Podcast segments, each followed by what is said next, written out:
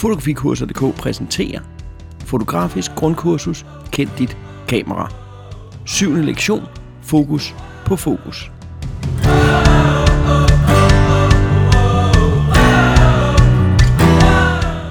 Mit navn er Adam Benslev, og jeg er den ene halvdel af Fotografikurser.dk. Og det her, det er den syvende lektion i vores fotokursus podcast, hvor jeg altså forsøger at lave en række lektioner, som sætter dig ind i det helt basale omkring det at fotografere. Og de første lektioner har dels handlet om kamerahuset og kameraets indstillinger, det har handlet om objektiver, og så har vi brugt rigtig god tid på at sætte os ind i, hvordan det der med eksponering fungerer. Men nu er vi altså nået til den syvende og næst sidste lektion, og nu forlader vi eksponeringen. Så hvis du gerne vil lære noget om, hvordan du indstiller blænde, lukketid og ISO, så gå tilbage og lyt til de foregående lektioner, hvor jeg gennemgår det i temmelig store detaljer. Det, det skal handle om denne her gang, det er fokusering. For udover at vores billede skal være veleksponeret, så man kan se, hvad der er på det, så er det også rigtig rart, hvis det er skarpt, så vi kan se, hvad der er på det. Og det handler altså om fokus. Og vi starter sådan helt basalt. Altså, hvad er fokus? Hvad er skarphedsindstilling? Og det er meget simplere, end man i virkeligheden skulle tro. Fordi fokus handler om at indstille optikken på kameraet, hvad enten det er et kamera med en optik, der kan skiftes, eller en kamera med en indbygget optik, at indstille optikken på, hvor langt der er til det motiv, som man gerne vil have skal være skarpt. Det handler altså om afstand fra kamera til motiv. Og det er vigtigt at forstå i virkeligheden, fordi at hvis vi ser på det, hvis du forestiller dig, at du har kameraet, og ser det fra siden, så vil du kunne se der, hvor skarphedspunktet er. Hvis du for eksempel indstiller det sådan, at det, som er 3 meter væk, er skarpt, så vil alting, som er 3 meter væk fra kameraet, være skarpt. Og det vil altså sige faktisk ovenkøbet, hvis du har en lille vidvinkel på, formentlig sådan en mindre bue, som er skarp. Hvor stort det felt, skarphedsfelt så er, det afhænger jo så af din blændeåbning. Så se, der kom den igen, fordi der er den der dybdeskarphed. At hvis vi har en meget lille blændeåbning, altså et højt F-tal som F11, F16, så er det et meget stort dybdeskarphedsfelt. Det vil sige, at hvis vi indstiller kameraet til at være skarpt på 3 meters afstand, så vil ting, der er 2 meter og 4 meter og 5 meter, formentlig også være skarpe. Der afhænger det der brandvid og sådan noget. Men det er altså, hvor smalt et bælte det handler om. Det er det, som vi indstederne når vi har dybdeskarpheden. Men det vi altså først og fremmest skal have for øje, det er, skarphed handler om afstand. Endda i en grad, hvor at man stadigvæk ofte på især filmproduktioner rent faktisk indstiller skarpheden ved, at der sidder en krog på filmkameraet, som man sætter et målebånd i, og så måler man hen til det, der skal være skarpt, så noterer man det, og så indstiller man optikken til den længde. Det er manuel fokus i sin helt basale form. Og du vil også kunne se på en del af dine objektiver, at der står en meter angivelse. Så altså kan se, hov, nu er ting, der er en meter væk skarpe, eller to meter væk skarpe, eller fem meter væk skarpe. Så det er det, som der sker, når kameraet det indstiller fokus. Men da vi jo heldigvis er kommet til et punkt, hvor vi har autofokus i vores kamera, og næsten alle kameraer har autofokus, der er stadigvæk nogle optikker, jeg har et par stykker, som er øh, manuel fokusoptikker, men langt de fleste er autofokus. Og i modsætning til, da vi taler om eksponering, så vil jeg ikke stå her og gå ind for, at vi skal bruge manuel fokusering. Fordi manuel fokusering har flere ulemper end fordele. Øhm, og det handler blandt andet om, at de søgere, som sidder i vores moderne kameraer, i virkeligheden ikke er ret gode til manuel fokus. Og samtidig handler det om, at det autofokusmodul, som sidder i langt de fleste moderne digitale kameraer, er rigtig, rigtig godt til at fokusere. Så mindre vi er ude i nogle situationer, jeg skal nok komme til dem senere, hvor at vi af den ene eller den anden grund ikke kan fokusere, så er der altså en rigtig god idé at slå autofokus til. også fordi, at skærmen bag på kameraet er altså heller ikke rigtig god til at bedømme fokus. Vi kan sagtens se noget på den lille skærm bag på kameraet og tænke, det ser møgskarpt ud. Og når vi så ser det på en stor computerskærm, må vi konstatere, at det overhovedet ikke er skarpt. Vi kan også godt opleve det modsatte. Det oplever jeg faktisk relativt tit, at de preview-filer, som kameraet laver og viser på skærmen, ikke ser skarpe ud. Men når jeg så åbner de tilsvarende filer inde på computeren, så er de faktisk skarpe. Så det viser altså bare, at vi skal passe rigtig meget på med at bedømme, om noget er skarpt, ud fra det, vi ser bag på kameraet. Det er klart, at hvis det ser blører uskarpt ud, uden at vi er zoomet ind, uden at vi har forstørret vores preview bagpå, men det bare ser uskarpt ud, så er det sgu nok uskarpt. Men altså, lad være med at bedømme skarpheden på det. Men altså, tilbage til kameraet, tilbage til autofokusmodulet. Der er flere forskellige teknikker og teknologier, som vi bruger til at stille skarpt. Øhm, I nogle typer kompaktkameraer, især i gamle dage, der havde man det, der hed aktiv autofokus. Og det var tit for eksempel infrarødt lys, som blev lyst mod motivet, og så kom tilbage, og så denne her enhed virkede fuldstændig som et ekolod og afgjorde så afstanden. Det er ikke helt så almindeligt i dag, og der findes sikkert nogle apparater, der bruger det, men langt de fleste bruger enten det, der hedder kontrast eller fasedetektion for at stille skarpt. Og hvis vi starter med kontrast detection, så indstiller kameraet fokus på baggrund af kontrast. Det vil sige, at vi har nogle fokuspunkter, og dem kommer jeg tilbage til lige om lidt, hvor kameraet kan måle kontrast. Og så tænker du måske, hvordan måler man kontrast? Det gør man ved at se, hvor stor forskel der er på lyst og mørkt i billedet. Så kører kameraets fokusmotor simpelthen optikken frem og tilbage, indtil at der er et punkt i billedet, hvor der er en meget stor forskel fra en pixel til en anden, hvor den ene pixel er meget lys, og den ved siden af er meget mørk. Fordi det betyder jo, at det punkt nødvendigvis må være skarpt. Hvis noget er uskarpt, så vil det være et mere forløb af toner. Men hvis vi har et punkt, hvor er der noget meget lyst, lige ved siden af noget meget mørkt, så må det per definition være skarpt. Og det er det, som contrast detection gør. Det er en utrolig præcis måde at fokusere på, Ulempen ved den er, at den er ikke helt så hurtig, fordi kameraet altså skal køre motoren frem og tilbage, indtil at den finder et punkt med høj kontrast. Så den anden teknik, der bliver brugt, det er det, der hedder face detection. Og det er sindssygt indviklet at forklare i en podcast som den her. Så, så hvis du gerne vil have den helt dybe tekniske forklaring, så søg på face detection på nettet. Men det, som sker, det er helt konkret, at lyset, som kommer ind til kameraet, splittes i et prisme og den, de lysstråler sendes så til den ene og den anden side, altså op og ned inde i kameraet. Og der bliver så det billede, som de viser, sammenlignet.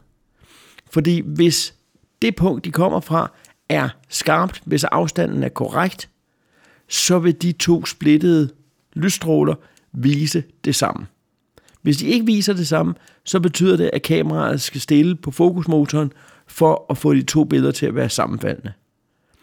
Fordelen ved det er, at teknikken faktisk gør det muligt, selv på der, hvor de ikke er ens, allerede at bestemme, hvad det er for en vej, der skal drejes, og hvor meget der skal. Og det betyder, at face detection er ikke helt så præcist som kontrast detection, men til gengæld, så er det meget, meget hurtigt. Øh, og der er rigtig mange kameraer, som simpelthen bruger begge teknikker.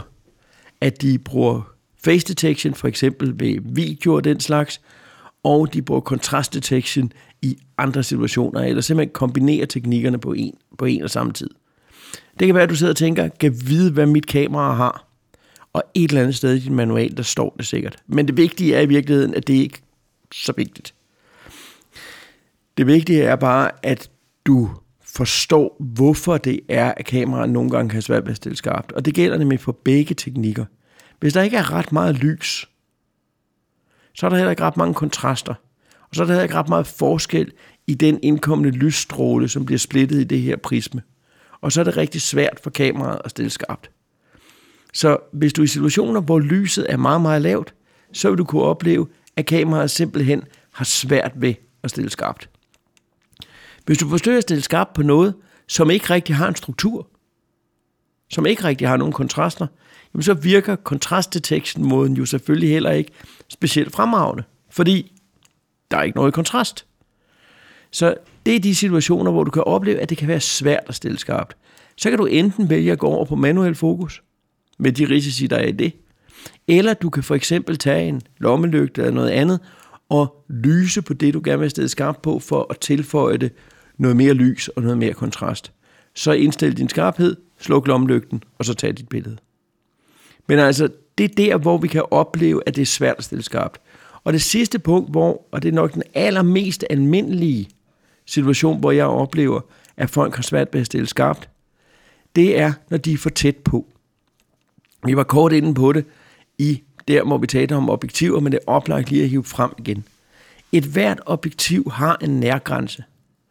Er vi tættere på motivet end objektivets nærgrænse, så kan det ikke stille skarpt.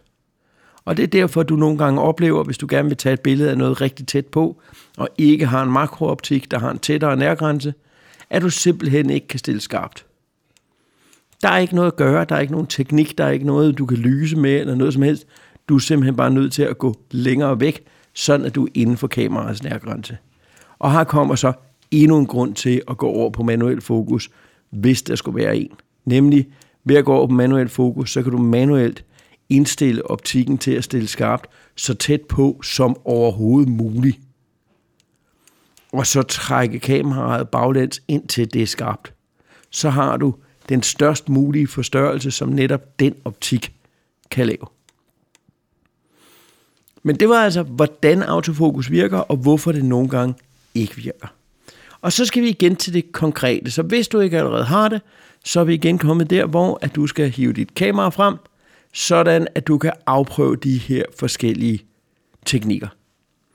Og det første vi har, det er de her forskellige focus modes. De er enten i din funktion eller quick menu. Der er også nogle kameraer, hvor der sidder sådan en lille switch, en lille kontakt på forsiden af kameraet, hvor du skifter mellem de her forskellige metoder. Og der er også nogen, hvor det sidder en knap et andet sted på kameraet. Men du skal altså finde et sted på kameraet, hvor der står noget med autofokusmetoder. Hvis du har et Nikon, et Fuji, et Sony eller et Olympus kamera, så hedder de AFS, AFC og på nogle af dem AFA. På Canon hedder de nogle andre, dem kommer jeg ind på, når jeg nu gennemgår dem. Den første, det er AFS. Når vi har slået AFS til, og du fokuserer ved for eksempel at holde lukkeren halvt nede, så kører kameraet frem og tilbage ind til, at den finder noget, som der er kontrast i, eller den finder noget, som er skarpt. Og så er det, at kameraet siger bip. Og det bip betyder, at nu er fokus låst. Og det betyder altså, at så længe du holder lukkeren halvt øh, inde, altså holder knappen inde, så vil den ikke ændre fokus. Det vil også sige, at hvis du flytter dig i forhold til motivet, så flytter du skarphedspunktet, og dermed så bliver tingene uskarpe. Du må gerne flytte dig uden at ændre afstanden til motivet, men altså går du tættere på, eller kommer motivet tættere på dig, eller går længere væk fra dig, jamen så ved det punkt, som det er låst på, fordi det er jo altså ikke motivet, det er låst på, men afstanden, det er låst på, så vil det bevæge sig ud af fokus. Den metode hedder, hvis man har Canon-kamera, One Shot AF. Og det er en for håbløs betegnelse, men det hedder den altså. One shot. Nogle gange står der bare one shot. AFC. C'et står for continuous. Der låser den ikke fokus. Det vil altså sige, at så længe du holder knappen inde, så bliver fokus, øh, autofokusmodulet ved med at være tændt. Og hvis motivet bevæger sig, så ændrer fokus sig også. Så den låser altså ikke fokus, det har altså den fordel, at hvis du fotograferer noget i bevægelse, så kan du følge det. Men hvis du gerne vil have mulighed for, at vi kommer ind på lige om lidt, hvordan vi kan bruge de her ting og rekomponere i forhold til det, så er FC ikke særlig godt, fordi så kommer du ud i den situation, når du så flytter kameraet, så finder fokuspunktet noget andet og ændrer fokus. Så det går ikke. Men til motivbevægelse, AFC, rigtig godt. På Canon hedder den så AI Servo AF. Og så den sidste fokusmodus, som altså ikke er på alle kameraer, men er på en del, den hedder AFA, og det A står for auto, så altså autofokus auto. Der skifter kameraet automatisk mellem S og C, alt efter om den detekterer, at der er noget, der bevæger sig. Og det er en af den der type automodus, som jeg virkelig, virkelig, virkelig, virkelig, virkelig hader. Fordi jeg kan godt selv afgøre, om jeg vil bruge den ene eller den anden fokusmetode. Jeg vil meget nødt her kamera afgøre det for mig. Men hvis man tænker, det vil jeg slet ikke forholde mig til, så kan man altså sætte den på AFA, eller hvis man har Canon-kamera, hedder det så AI Focus AF. Så det var det første valg omkring det her, vi skulle vælge. Og for det meste, så vil jeg anbefale AFS. Og det har at gøre med, at den kan i virkeligheden to ting. Hvis jeg peger mit kamera mod motiv, holder knappen halvt inde, og den så siger bip og låser, så får jeg også denne her helt audiovisuel konfirmation. Der er et fokuspunkt, der lyser op, og den siger bip, hvilket betyder, nu er det skarpt, nu kan jeg tage mit billede. Klik. Men det betyder altså også, at jeg for eksempel kan holde knappen halvt nede, fokusere, og så kan jeg dreje kameraet, så længe jeg bare drejer om kameraets egen akse, og rekomponere billedet.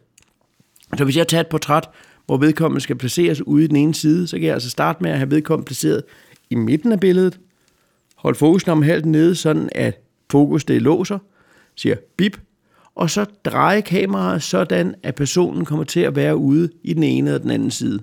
Så længe jeg holder knappen inde, så holder den stadigvæk afstandsmålingen fra det, fra det tidspunkt, hvor den låste, og det vil sige, hvis jeg ikke har ændret afstanden, men kun ligesom drejet omkring kameraets egen akse, så vil det stadigvæk være skarpt. Og det er altså ret smart. Så derfor AFS. Men et endnu vigtigere valg i alt det her er i virkeligheden valget af fokuspunkter. Og her kan det så igen være, at du skal have en manual frem. Fordi du har sikkert opdaget, hvis du aldrig har rodet med det her, at når du tager dit kamera, holder knappen halvt ned for den fokuserer, så lyser der nogle forskellige punkter op ind i søgeren. Nogle kameraer har mange, mange, mange, mange, mange fokuspunkter.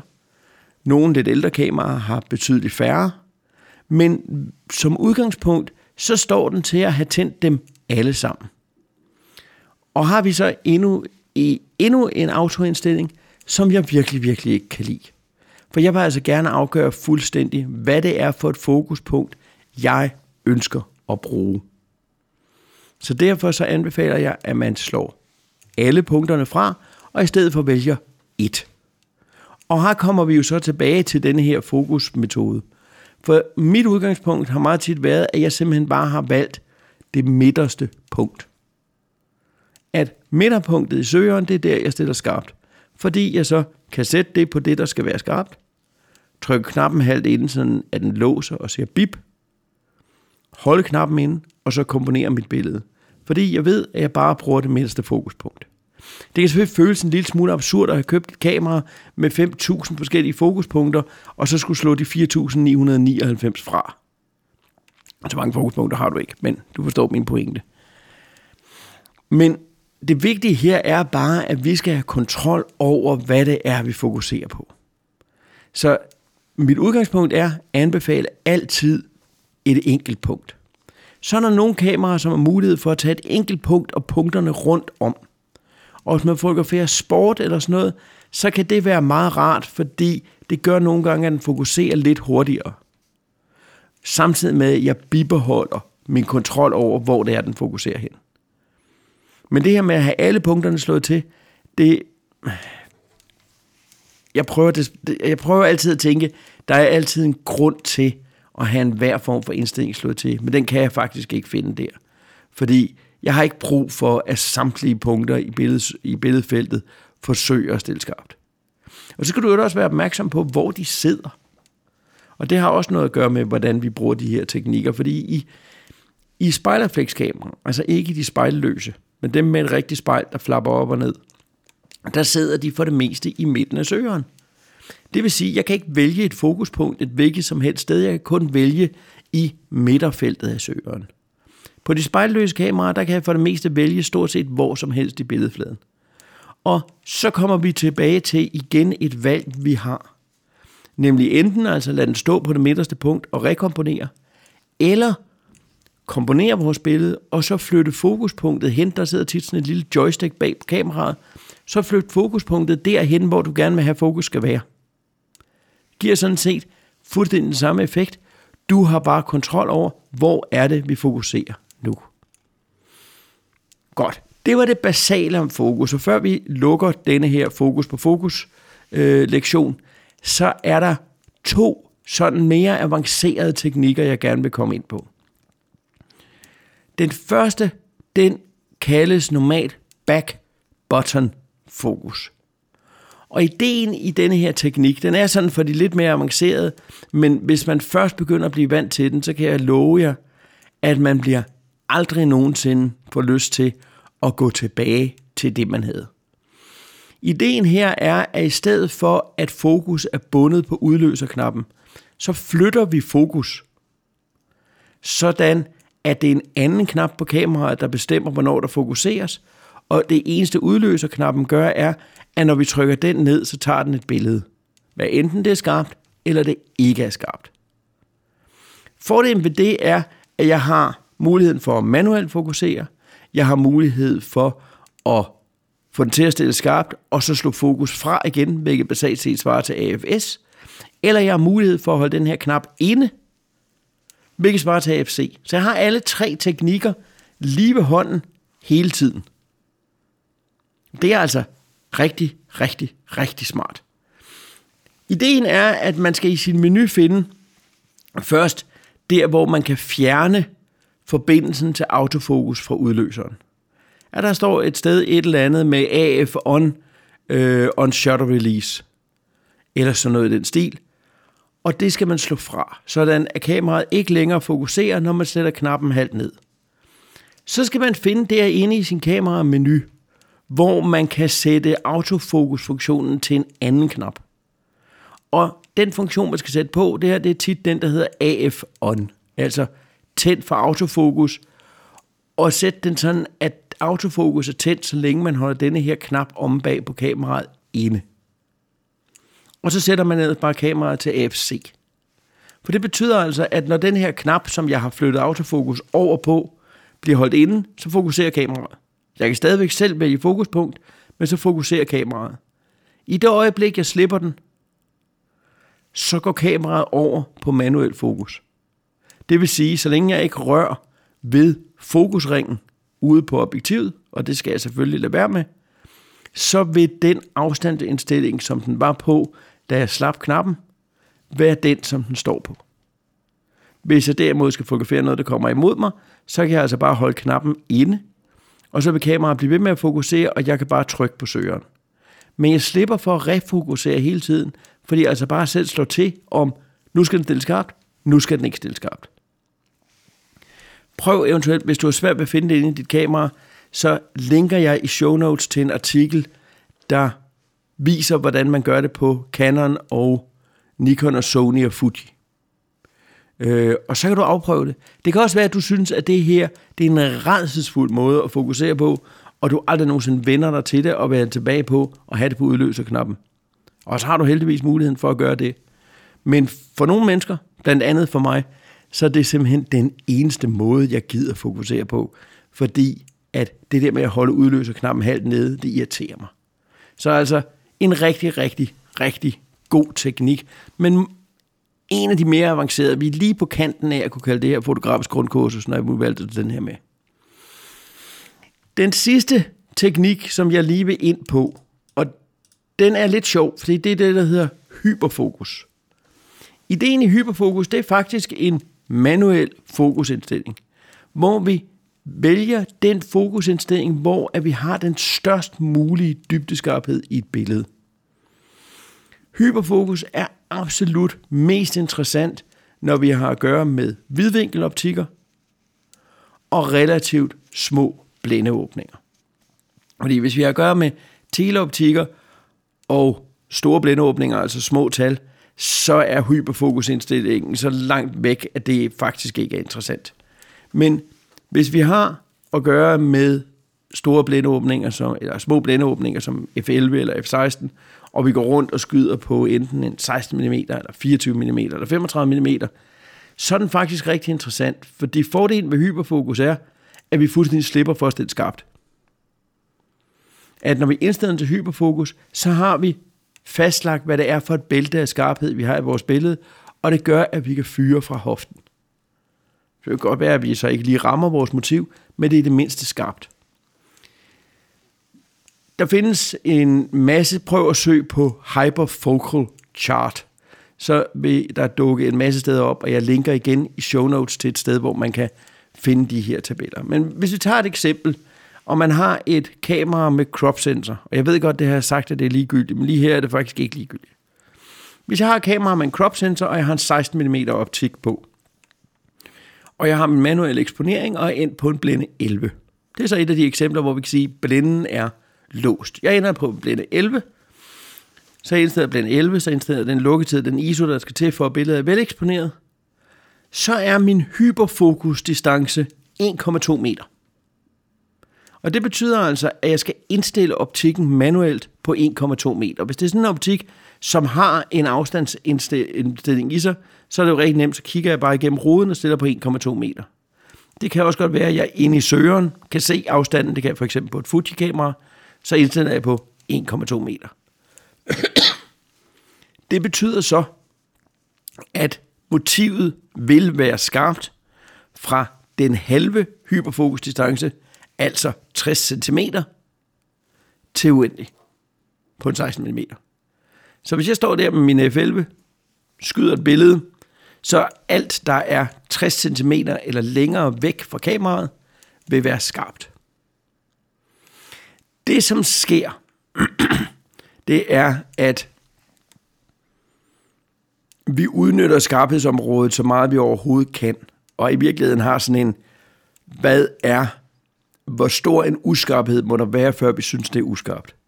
Og det betyder altså også, at det, der er helt ude i uendelig, måske ikke er fuldstændig hamrende knivskarpt. Det hyperfokus handler om at få så stor del af billedet til at være skarpt nok. Men går for eksempel rundt og laver streetfotografi eller sådan noget, så er det altså ret fantastisk bare at kunne indstille kameraet på den her afstand, og så tage kameraet op, trykke klik, og så tage et billede og vide, at det er rimelig skarpt, selvom man ikke engang har valgt et fokuspunkt. Hvis vi er på et øh, full frame kamera, og vi for eksempel har en 24 mm på, og F11, så hedder skarphed, hedder hyperfokusdistancen 1,6. Hvis vi går på F16, så hedder den 1,1 meter, det vil sige altså 55 cm til uendelig. Men som sagt, jeg linker til en hyperfokus-tabel, hvor du kan regne det ud for dit eget kamera. Og det er altså en ret sjov teknik at prøve, så prøv at finde et hvidvinkeloptik, sæt den på, indstil den på en hyperfokusdistance, som du finder i tabellen, og se, hvad der sker. Opdag, at så simpelt kan det faktisk være at få et skarpt billede. Hyperfokusdistancerne på de store blændeåbninger er absurde. så dem kan vi ikke rigtig bruge til noget. Altså på en 24 mm på et cropped kamera på f2,8, der er hyperfokusdistancen 10 meter. Så det er altså ting, der er 5 meter væk eller længere. Der er altså ret stort uskarphedsfelt foran kameraet der. Ikke? Så, så det er de små blindeåbninger, de store tal, og de store vidvinkler, hvor det her det er relevant. Det her, det var næst sidste lektion. Lektion 7 om skarphed. Hvis der er nogen af de tidligere, du ikke har hørt, eller gerne vil genhøre, så bare gå tilbage i feedet og find dem igen. Og husk endelig at sige til venner og bekendte, at de her podcasts, de findes. De bliver liggende, hvor de ligger. Så her ligger altså snart et komplet fotokursus. Hvis du gerne vil vide mere om, hvad fotografikurser.dk laver, så gå ind på fotografikurser.dk. Du kan følge mig. Jeg hedder Anna Bindslev på Twitter. Jeg hedder også Anna Bindslev på Instagram. Og så vil jeg ønske dig rigtig god fornøjelse med fotografiet. Vi ses til 8. lektion senere.